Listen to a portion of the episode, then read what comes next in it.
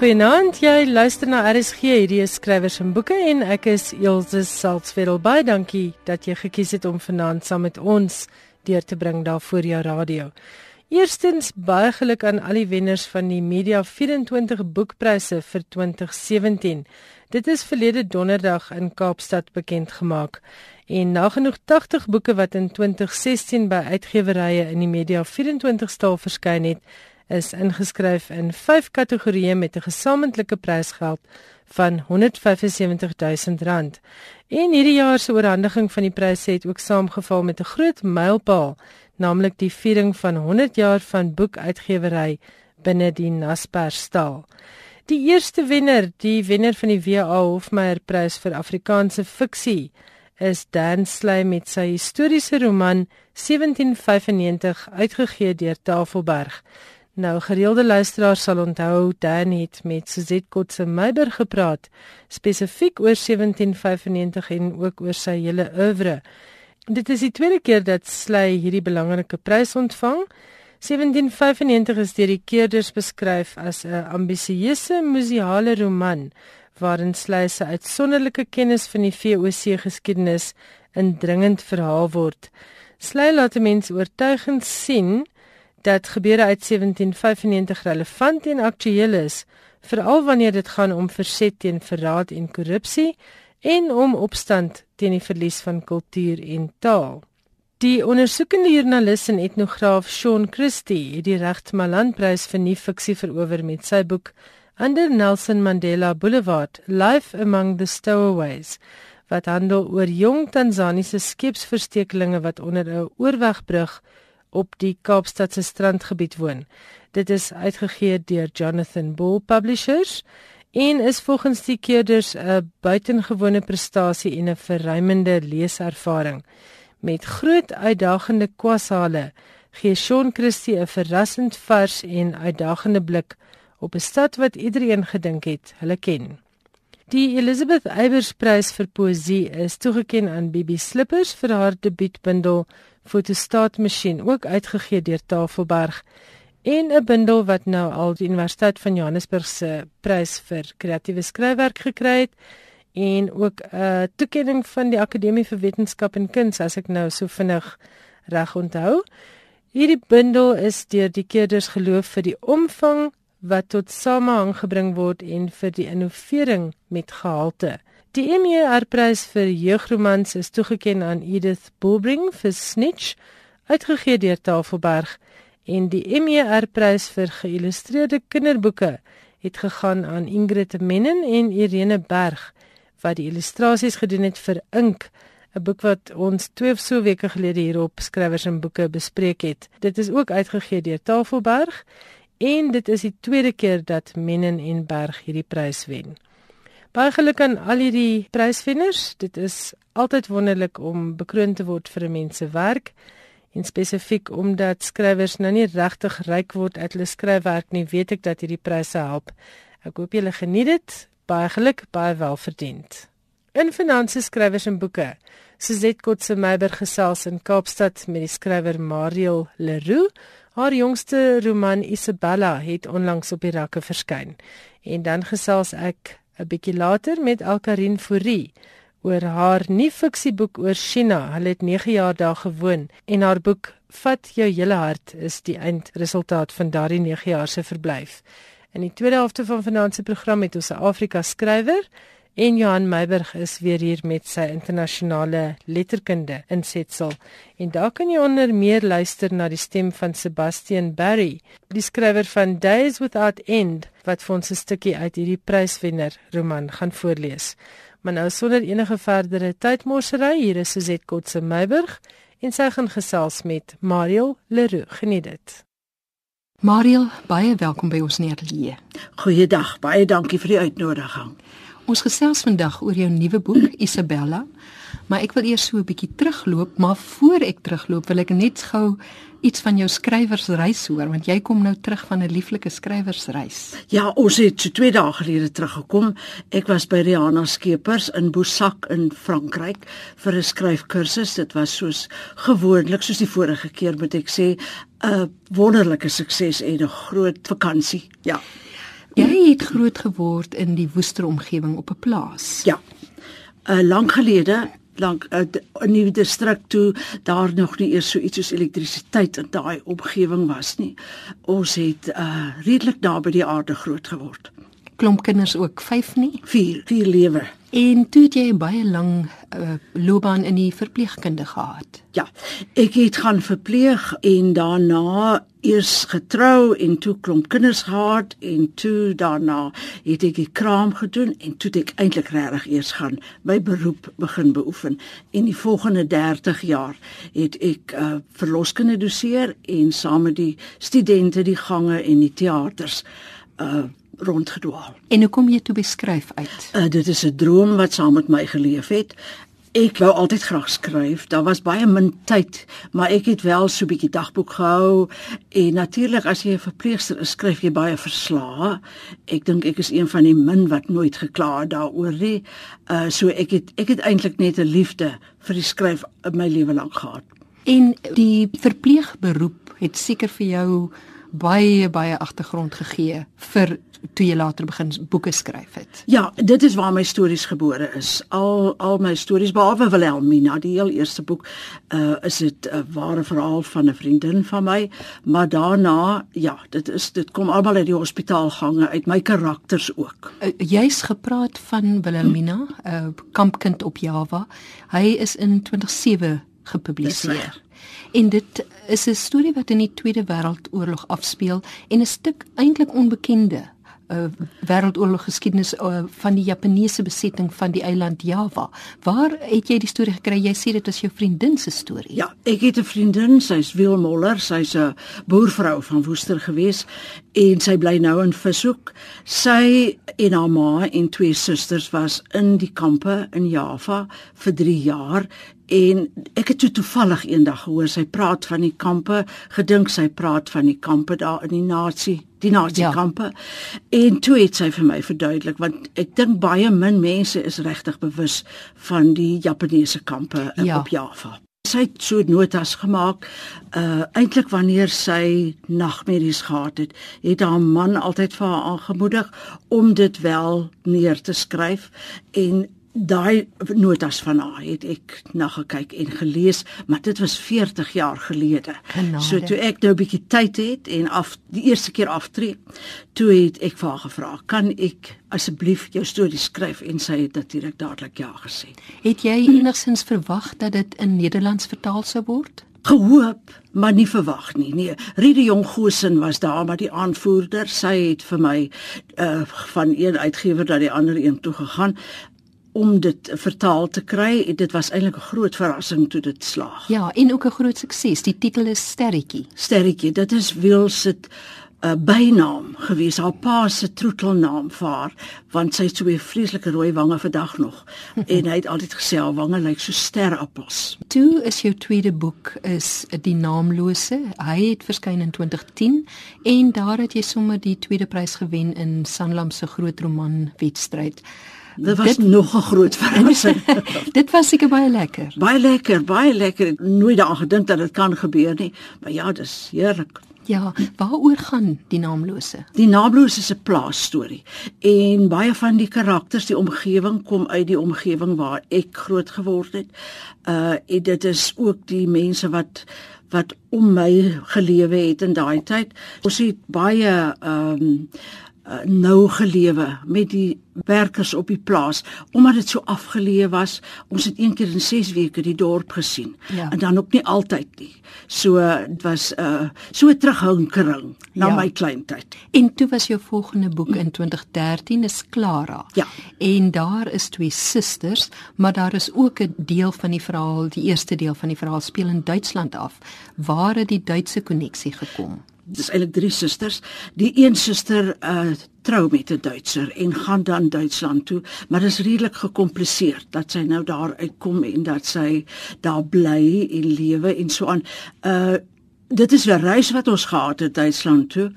En daar in Waldkirch, dit is die dorpie in die Swartwoud, het ons ure omgesit en ek het onder andere daar in die Margarete kerk gaan sit. En uh selfs nou in Frankryk het Rihanna vir my gesê, jy kry jou inspirasie in kerke. Toe sê ek ja, ek dit tog al so.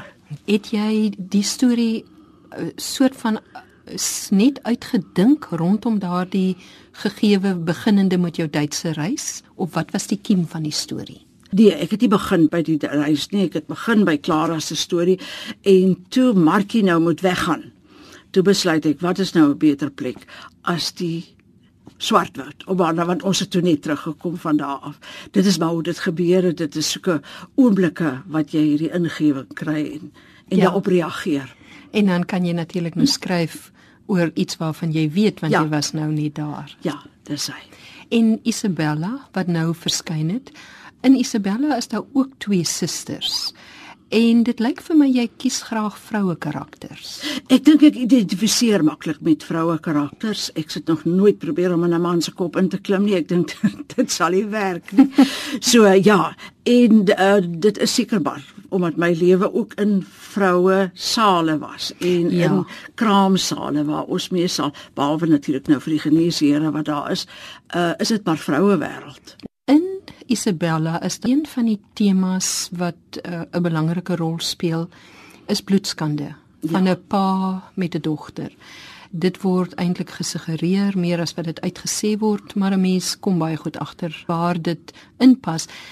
In die laaste jare kry ek die idee dat mense baie makliker begin praat het oor seksuele molestasie. Mm maar nie van bloedskande nie. Dit word net gesuggereer, ek ek het dit nooit eksplisiet uitgeskryf nie, maar dit word gesuggereer dat sy omdat sy 'n onaansienlike persoon is, was dit vir haar belangrik om by haar pa aanslag te vind. As jy nou pas ingeskakel het, hierdie skrywers en boeke en Suzette Kotse Meiber gesels in Kaapstad met Mariel Leroux oor haar nuwe roman Isabella.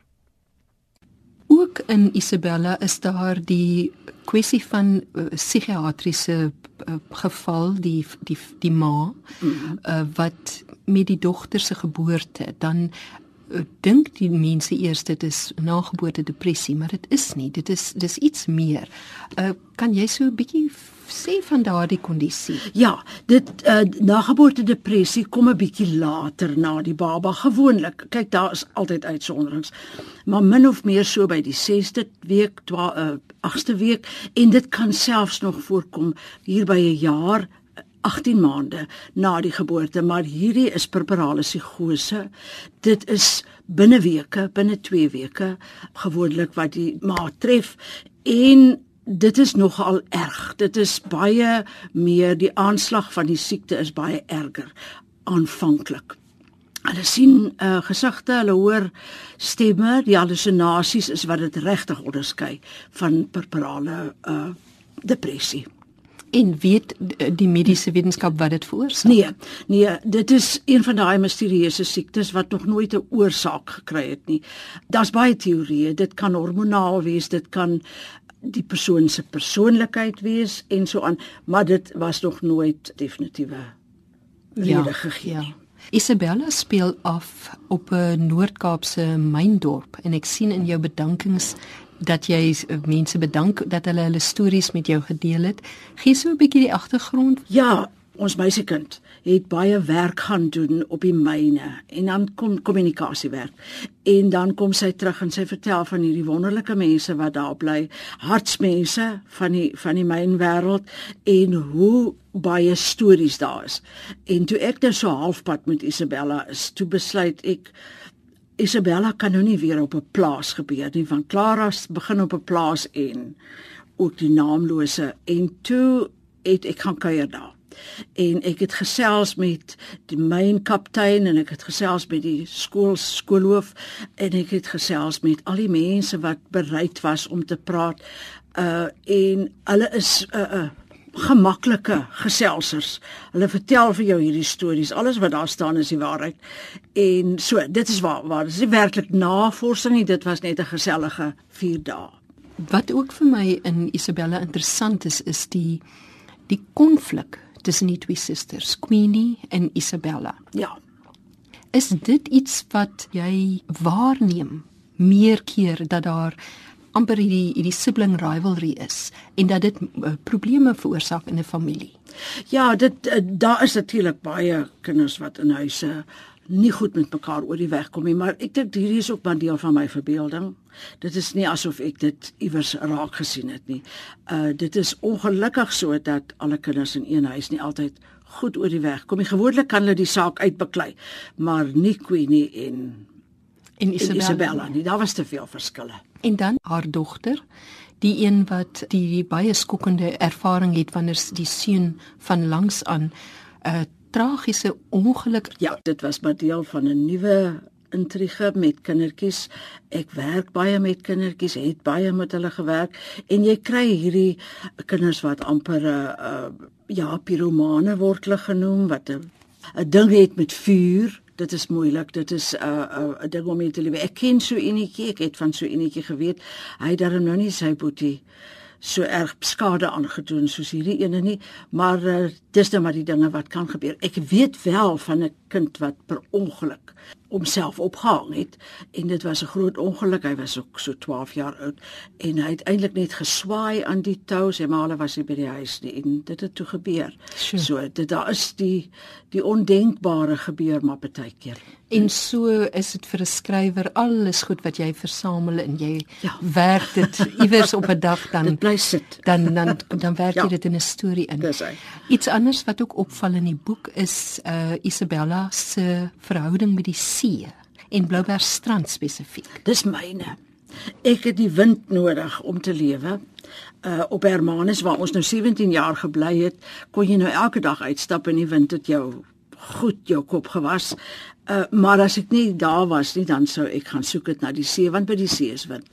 En dit is uh dis deel van my kop, So- kop dis my kopdokter. So dis nie die see wat jy so seer soek nie, dis die wind wat jy soek. En uh, op hierdie stadium is daar al 'n ander boek waaraan jy werk? Nee, nee nog nie. Ek weerhou my van die van die rekenaar. Uh ons het nou net getrek 4 maande gelede uh terug Kaap toe na die liggies van die stad toe en uh ek het nou net eers daai huis moet ek nou eers klaar regkry. Wat is daar wat jy nog vir jou skryfloopbaan eintlik vir jouself in die vooruitsig stel? Ek hoop vir nog 'n boek. Ek hoop daar's genoeg tyd vir nog 'n boek. Maar jy weet as mens 70 jaar oud is, dan begin die tyd jou vyand raak. Maar ehm uh, ja, ek hoop daar kom nog 'n storie. Daar ek het baie baie drome gedagtes, spooke. My hmm. een kind noem dit spooke wat my rond ja. So ek sal uh hopelik nog nog 'n boek. Ek sien jy skryf ook dik boeke. Ja, as die storie eers loop dan loop hy. Ek moes baie sny uit Isabella uit en die voriges want 'n mens raak baie keer so 'n bietjie weggevoer. En dan skryf jy eintlik oormaat van van wat jy wou gesê het. En dan raak dit nou miskien weer iets wat jy in 'n in 'n latere boek kan eh, Ja, kan ja, gebruik. Jy kan. Jy kan dit gebruik. Dit bly in jou kop. Uh jy moet maar net gaan sit en dit op die op die toetse uitoefen. Ja. Jy het ook gesê jy's 'n baie groot leser. Wat is jou leessmaak? Ek lees baie en alles. Ek hou van Afrikaanse boeke, Engelse boeke en ek lees graag stories. Geskiedenisstories is baie hoog op my op my lys. Ehm um, ou boeke, nuwe boeke maak nie saak nie. Ek lees hulle almal en ek hou nie op nie. Ek soek al al al interesseer die boek my nie dadelik nie, dan wag ek tot dit gebeur. En enige skrywers wat vir jou soort van rolmodelle is, mense wie se werk jy as skrywer nog altyd gevoel het jy kan by hulle leen of uh, leer. Wel, eet natuurlik is Rihanna, Rihanna Skeepers. Ek ons ons loop al 'n lang paadjie uit die vorige eeu uit saam. Ek het bewondering vir haar werk en dan natuurlik Marita van der Vyver en so aan. 'n Mens lees en ek is seker daarvan dit bly sit iewers in jou in jou geheue uh en jy leen maar by hulle en jy doen maar die dinge soos wat soos wat jy geleer het uit die boeke uit wat jy gelees het. Toe jy op skool was nog, Mariel die kind wat 'n skrywer wou word. Het jy as kind al boekies en stories en goed geskryf? Stories ja, opstelle baie en ek het een keer ietsie ingestuur. Ek dink ek was so hier by Sander 8 rond hier in graad 10. En toe het ek nou nie 'n baie goeie briefie teruggekry nie want dit was maar 'n kort dingetjie. Uh dit het my nogal so 'n bietjie geruk want ek het gedog dis baie goed. Maar ja, ek het baie geskryf. Ek het uh graag stories vertel ook. Uh voor ek kon skryf, weet ek het ek onder andere uh so 'n klompie van die plaaskinders, die werkers se kinders het ek vir hulle Sondagskool gehou en my ma het eendag so om die draai geloer want toe is ons nou besig met Noag en sy seuns. Maar ek kan nog nie eintlik lees nie maar ek ken die storie so ek vertel dit nou vir hulle. En toe toe voel ek nou ek moet nou hier iets uit die klas uitkry. My ma het vir my vertel ek het dit nie onthou nie. Toe sê ek nou wat is Noag se seuns se name toe gaan daar so handjie op. Toe sê hy Sem Gamad en Jafta Ag moeder. En julle is almal kinders. Ons is almal kinders daar. Ja, ons is almal uh hulle heel wat van hulle is ouer as ek, maar ek het nou gevoel ek het 'n klas nodig. ja. Mariel, dit was baie lekker om met jou te gesels en ek wens jou alles van die beste toe verder vir jou skryfwerk. Dit was Suzette Kotse Meiburg in gesprek met Mariel Leroux oor Mariel se splinternuwe roman Isabella. Dit word uitgegee deur Tafelberg en kos R280. Ek gesels vanaand met Elkarin Fourie. Sy is 'n vryskut joernalis en sy het 'n wonderlike boek geskryf oor China. Goeienaand Elkarin. Goeienaand Ilse en luisteraars. Vertel vir ons 'n bietjie van jou boek en waar kom die titel vandaan? Die die, die titel kom van een van Confucius se gesegdes wat gesê het wel in Engels is dit wherever you go take your whole heart. En ek het besluit om dit weet te vertaal want ek het nogal gevoel ek het, ek doen sulke goed met my hele hart en dit was toe op die ou einde dink ek 'n goeie titel. So vat jou hele hart is jou belewenis van China waar jy jou letterlik hart en siel ingewerp het in die kultuur, in die mense en in die leefstyl. Hoe het julle daar beland? Ons het eintlik um, gedink om net so vir 'n jaar of 2 te gaan. My man het die idee gekry nadat hy op besoek in China was as buitelandse redakteur van Beeld om bietjie nader ondersoek in te stel na die land want hy glo dit natuurlik die volgende eeu is die eeu van die ooste en van China. Toe het hy 'n um, kursus geneem in TESOL teaching English to speakers of other languages en hy het vooruit gegaan en vind hy, hy is 'n oud onderwyser dat hy toe mees die grootste deel van sy lewe joernalis was. Hy het vooruit gegaan en my aangespoor om ook die kursus te neem wat ek toe gedoen het. En ons het toe kontrak gesluit met 'n 'n Chinese 'n kom Nieu-Seelandse maatskappy wat wat onderwysers gesoek het. Maar julle was in 'n paar lande voordat julle in China gewoon het want jou man was onder meer ook in die diplomatieke diens. Hoekom ja. het jy toe nou nooit oor die ander lande geskryf nie? Wat was die verskil met China? Weet jy, ek het artikels gestuur, maar omdat dit eintlik weet gebaande weë was in Europa en Amerika, het ek nooit 'n vollengte boek oorweeg daaroor nie maar met China omdat dit weet onbekend is en fascinerend veral as jy belangstel aan die geskiedenis soos ek baie gelees oor die geskiedenis. So dit was amper die vaste tradisies en die eeuoue geskiedenis waarop hulle baie trots is maar teenoor dit die vinnig veranderende land soos dit nou is en soos dit veral daai tyd was jy weet die platteland verskil ook baie van die stad en die mense werk heeldag en beer vooruit so dit was weet dat iets iets staties teenoor iets baie dinamies soos jy nou daar uitsien. Hoe lank het julle daar gewoon? Ek was so kort erop kort terug my man ek was so amper 9 jaar, hy was so amper 10 jaar daar. En wanneer het julle teruggekom? Ek einde 2013. So dit is nou onder die nuwe bedeling, die oper, hoe sal ek dit stel, die oper beleid, nee. Ja, ja. Hulle noem dit hulle is baie lief vir sulke uh, formules in Engels reform and opening up van ek dink shopping wat dit gedoen het hier aan die einde van die 80er jare. Het jy van die begin af besluit jy gaan 'n boek skryf en het jy daarom byvoorbeeld iets soos 'n dagboek gehou of wanneer het die idee van 'n boek ontstaan? Uh, weet jy dit is eintlik so kwartpad deur ons verblyf daar ontstaan nadat ek ironies genoeg 'n slegte ervaring gehad het met eh, 'n uh, paspoort wat ek nie by my gehad het nie.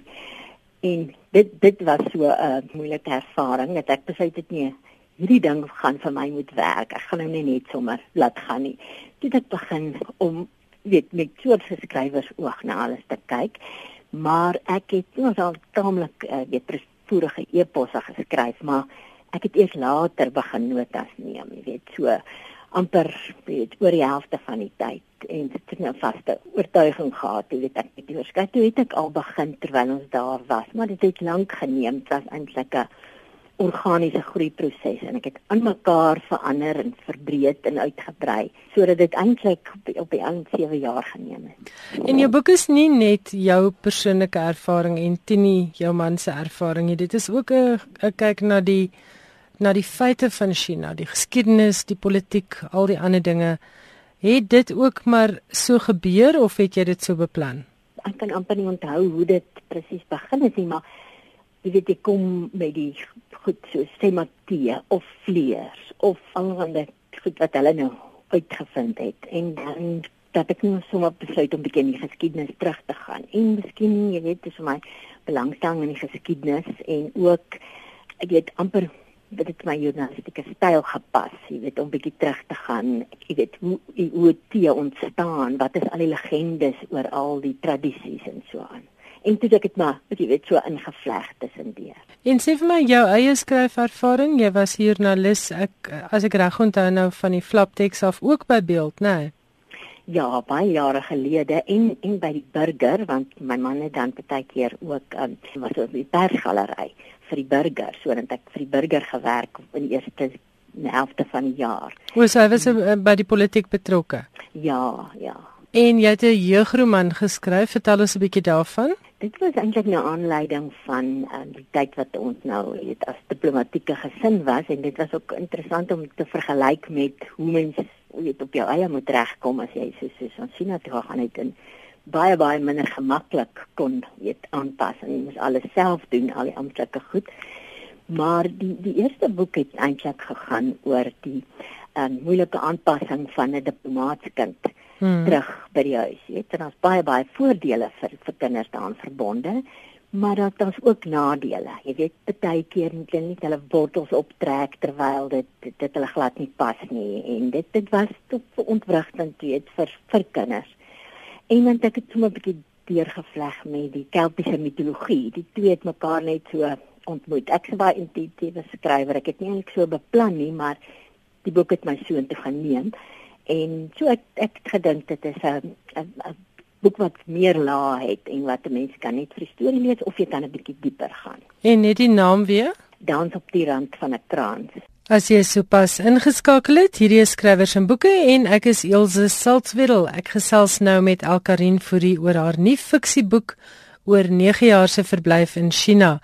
En die boek se naam net weer, Vat jou hele hart. Wat sal jy nooit vergeet van jou 9 jaar in China nie? Uh, weet jy ek dink eintlik die hulp van die mense. My dogter het dit genoem die Chinese engel. Want as jy op 'n stasie in 'n tou gestaan het en jy kom by die venstertjie en dit is raserig en jy kan nie werklik met die persoon praat nie want daar's 'n glasvenster tussen jou. En dan jy dan hak jy vas dan dan weet jy nie hoe reg te vra te vra nie jy verstaan nie wat die persoon sê agter die glas nie en dat dan dan altyd iemand opgeduik wat gevra het of hy kan help baie keer kon hy ook nie baie goed help nie maar was trots om aan te bied jy weet mm. dit het, het tog baie gehelp so en die mense was was baie um, weet hulpvaardig. Ek het 'n hele paar sulke insidente uitgelig oor hoe mense my my verstom het met hulle hulp aan vreemdelinge. En wel Chinese nie baie goeie beeld in Suid-Afrika. Het nie weens allerlei redes. Sal ek altyd 'n sagte plekkie vir vir die mense hê weet. En hulle is hardwerkend. Hulle byt vas. Hulle, hulle hulle weet hulle het 'n klein plekkie in die son. En dan gebruik hulle maar partymal elmbo om vooruit te kom snaakse maniere maar dit dit verander ook die stedelinge is nou alweer heeltemal anders as die mense op die platteland Hoe erg is die kommunistiese ingesteldheid nog daar? Hoe het jy dit ervaar as iemand wat nou kom van 'n splinternuwe demokrasie?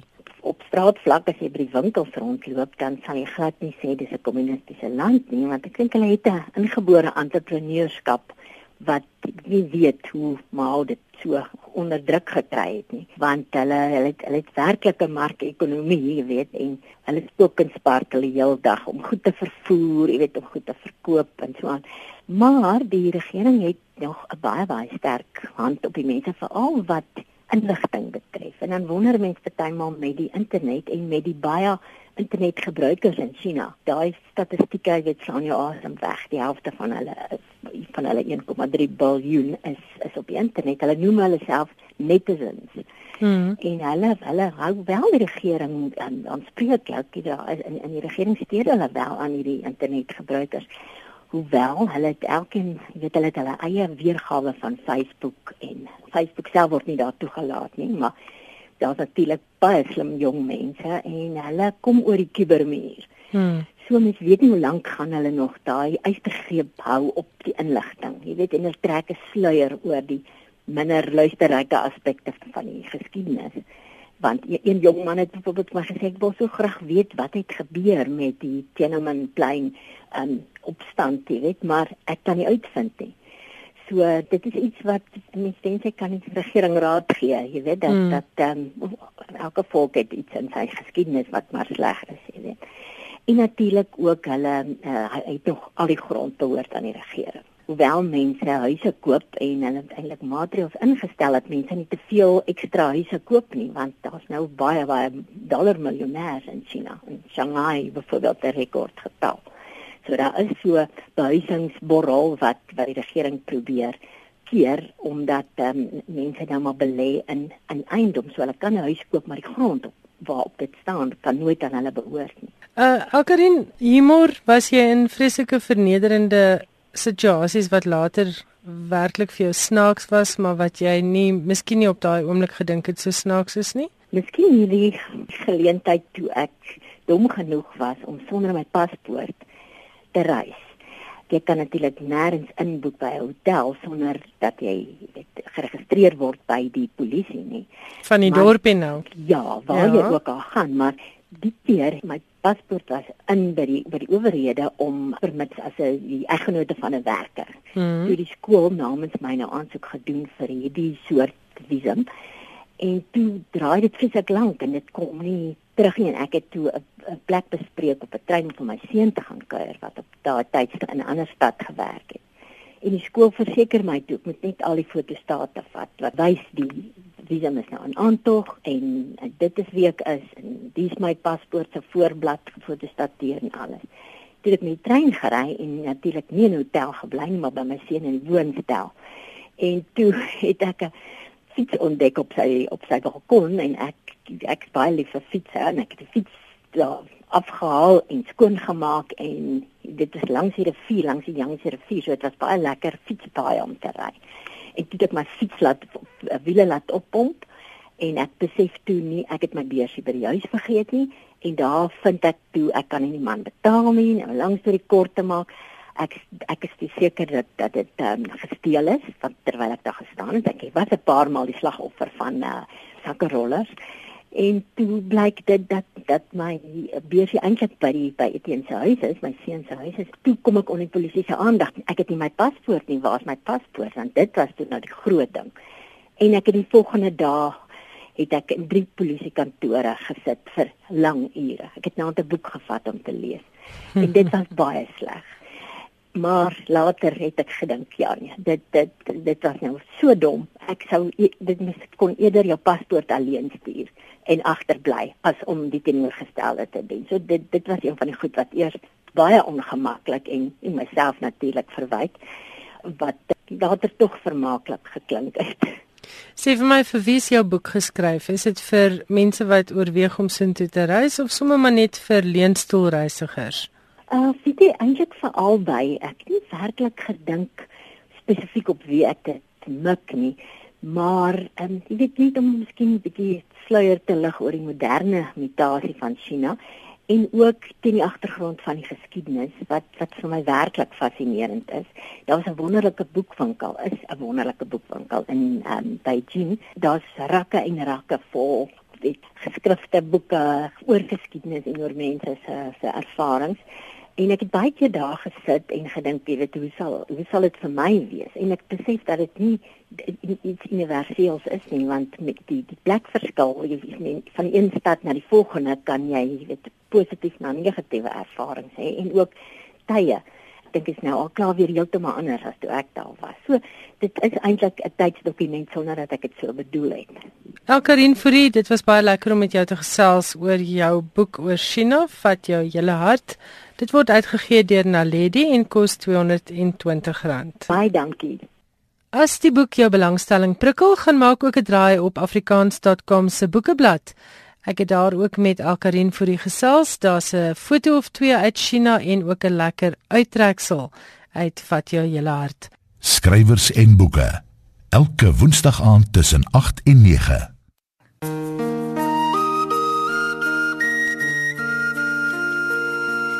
Hy is gebore in Baidoa, Somalië in 1945 en het na sy skoolopleiding in die letterkunde en filosofie gaan studeer.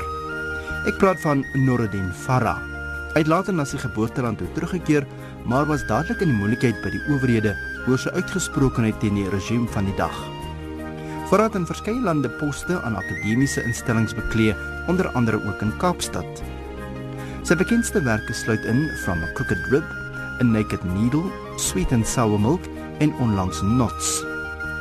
Nurdin Farah skryf graag oor die politieke toestand in sy land, veral op die platteland wat gebuk gaan onder stampolitiek. Hy verweef ook graag die barre landskap met sy beskrywings van sy karakters se lief en leed. Letterkundiges is dit eens dat die feit dat Farah in Engels skryf, sy vierde taal, 'n sekere naïwiteit en eenvoud in sy werk inlaat wat 'n leser bybly. Nuruddin Farah het in 1998 die Nuutstad Internasionale Prys vir Letterkunde ontvang. Dit was die stem van Terence April met sy weeklikse insetsel oor skrywers uit Afrika wat ons uit die argiewe gehaal en bietjie afgestof het. Hierdie week het hy gesels oor Nuruddin Farah van Somalië. Johan Meiber gesien by my in die ateljee en Johan, voordat ons vanaand wegval met jou internasionale bydrae, wil ek gou-gou vir jou 'n briefie lees wat ek gekry het. Dis van Gerda Viljoen en sy sê beste Elsje en Johan, in 'n week van soveel geweld, onnodige brande, pynlike dode en vrae rondom geweld in die gemoedere van vele kinders en enkelinge. Is dit vir my heerlik om baie dankie te sê vir julle pragtprogram en rustige aanbiedingstyl. Dit is wat Gerda Viljoen vir my en jou gestuur het. Gerda, baie dankie daarvoor. Ja, baie baie dankie. Dis lekker om te hoor as mense ons werk geniet en waardeer. Waaroor praat jy vanaand? Ek praat met jou oor José Eduardo Agalusa, die Angolese skrywer wat onlangs aangewys is as die wenner van vanjaar se internasionale Dublin Prys. Die prys wat voorheen bekend gestaan het as die Impact Prys. Met prysgeld van net meer as 1,4 miljoen rand is die prys een van die grootste literêre pryse ter wêreld. Die Dublin Prys word jaarliks toegekend aan 'n Engelse roman of een wat in Engels vertaal is. In die geval van 'n vertaling word die prysgeld gelykop verdeel tussen skrywer en vertaler.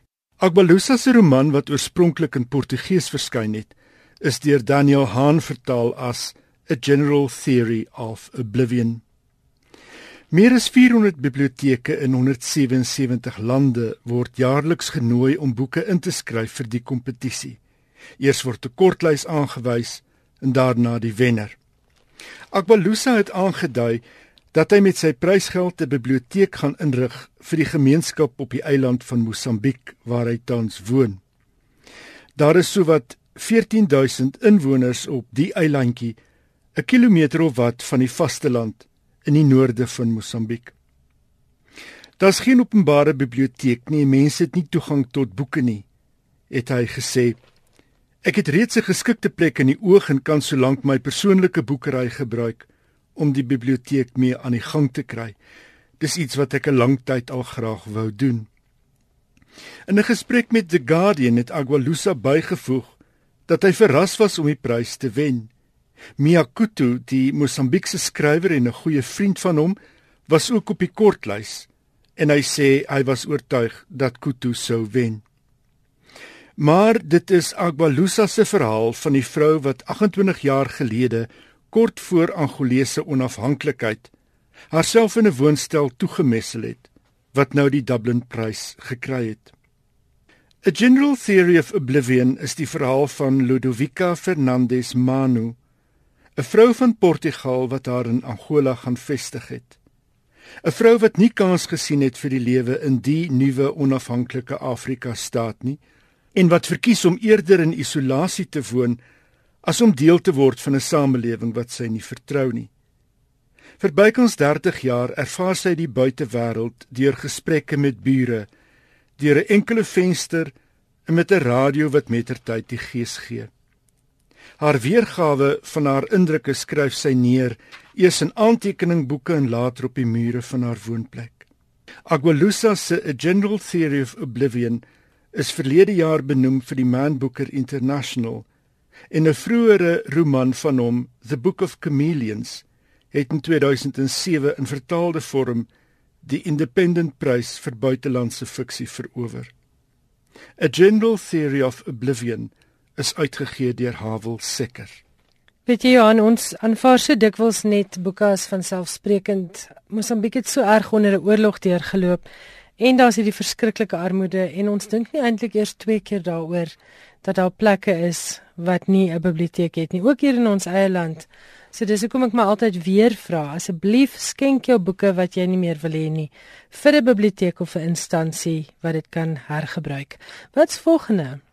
Kort nadat Sebastian Barry die Costa-prys vroeër vanjaar vir die tweede keer gewen het met sy The Days Without End, het hy ook nou die Walter Scott-prys vir historiese fiksie vir 'n tweede keer verower met die einste boek. In 2008 het hy die Costa-prys gewen met The Secret Scripture en in 2012 het hy die Walter Scott-prys gewen met On Canaan's Side. Volgens Alistair Moffat, geskiedkundige en voorsitter van die Walter Scott paneel, het Days Without End die voortou geneem as en ek haal aan 'n ongewone verhaal wat soemloos ingeweef is in periode navorsing wat bovenal die onfeilbare krag van oortuiging het en 'n stem wat geen leser agterna sal kan vergeet nie. Die wonderlike goed het Moffat oor Barry se boek gesê te midde van stewige mededinging van ander boeke. Boeke soos Francis Spufford se The Golden Hill en Rose Tremaine se The Gustav Sonate. Asook Graham Swift se Mothering Sunday, Charlotte Hobson se The Vanishing Futurist, Hannah Kent se The Good People en Joe Baker se A Country Road, A Tree. Die Walter Scott Prys word toegekend aan die beste boek van 'n Britse, Ierse of Statebond skrywer en wat 'n verhaallyn het wat minstens 60 jaar gelede of meer geplaas is.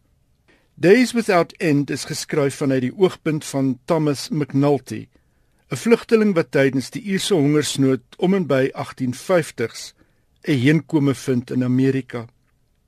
McNulty word eers 'n soldaat in die stryd teen die Amerikaanse Eerste Nasies en daarna in die Amerikaanse Burgeroorlog. Daar knoop hy 'n verhouding aan met sy medesoldaat John Cole.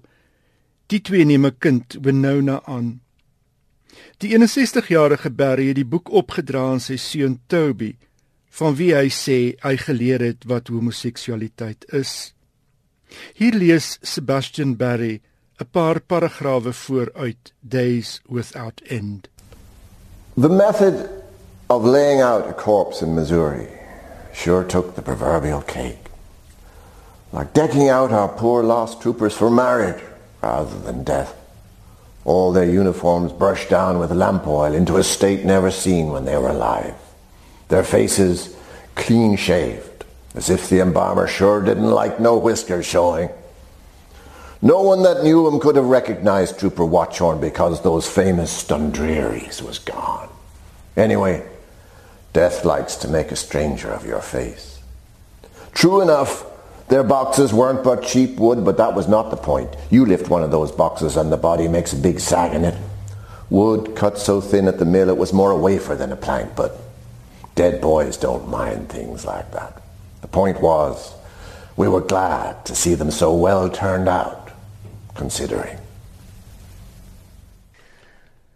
Dit was dan die stem van Sebastian Barry oor sy boek Days Without End. In jou laaste bydrae Johan, die Nigeriese digter en skrywer Ben Okri het verlede week vir die Britse dagblad Financial Times 'n gedig geskryf na aanleiding van die vernietigende brand in Londen se West Kensington waarin meer as 79 mense die lewe gelaat het. Die gedig Grenfell Tower June 2017 bestaan uit 165 reëls met die herhalende refrein. Those who are living now are dead. Those who were breathing are from the living earth fled. If you want to see how the poor die, come see Grenfell Tower. See the tower and let a world-changing dream flower. Okre het die gedig geskryf nadat hy mense wat die brand oorleef het, ontmoet het. Daar was in Brittanje, maar ook wêreldwyd kritiek op die manier waarop die brand hanteer is, en veral verontwaardiging oor die bekendmaking van die aantal mense wat in die brand gesterf het. Aanvanklik is aangekondig dat 17 mense gesterf het in die brand op 14 Junie. Dit het gelei tot aantuigings onder meer die van die sangeres Lily Allen dat die regering probeer het om mense se smart, soos sy gesê het, te mikrobestuur. Die media is daarvan beskuldig dat die sterftesyfer opsetlik onder beklemtoon is. Saam met Deborah Levi, Britse dramaturg, digter en skrywer, beplan Akri binnekort 'n skrywersgeleentheid in Londen om geld in te samel vir die mense wat die brand oorleef het en vir die familie van die slagoffers. Dit bly 'n baie tragiese ding wat gebeur het nes die Nysna brande hier by ons. Jan baie dankie. Ons gesels dan nou nie volgende week nie want volgende week is ek by in die bos met 'n regstreekse uitsending. Ons praat oor 2 weke. Ja, geniet aan die bos. Jy ook, jy gaan ook mos daar wees. Ja. Dit was Johan Meiburg en nou dat ons so van in die bos gepraat het, onthou dat ons volgende week tussen 8 en 9 regstreeks vanaf in die bos uitsaai. Ek gaan gesels met Etienne van Heerden en Lerina Erasmus en dit is baie interessante skrywers oor baie interessante boeke. Onthou om in te skakel en as jy in Nelspruit is vir in die bos, kom maak 'n draai by die burgersentrum. Dit is waarvandaan ons gaan uitsaai. En jy kan dan natuurlik sommer kyk na die pragtige kunsuitstalling, die amptelike in die bos kunsuitstalling daar by die burgersentrum. Ons sien uit om jou daar te verwelkom. Ek is Elsje Salzveld. Baie dankie dat jy saamgeluister het. Die e-posadres is skrywers en die SMS-nommer is 45770 as jy van jou wil laat hoor. Hierdie program is beskikbaar as 'n potgooi vir ingeval jy vergeet het hoe dit werk. Jy gaan na ons webwerf by rsg.co.za, klik op die potgooi skakel en dan tik jy in skrywers en boeke en dan kom al die skrywers en boeke programme so onder mekaar gelys. As jy nie kan onthou na watter program jy spesifiek soek nie, tik net 'n sleutelwoord in die skrywer se van of 'n boek se naam en dit behoort daar te verskyn. Dit is 'n heerlike hulpmiddel vir boekringe en leesklub besprekings, so maak gerus gebruik daarvan. Volgende Woensdag aand is ek dan terug met die regstreekse uitsending daarvan in die bos af. Onthou om in te skakel op skrywers en boeke. Ons sluit vanaand se skrywers en boeke af met 'n pragtige nuwe Afrikaanse liedjie.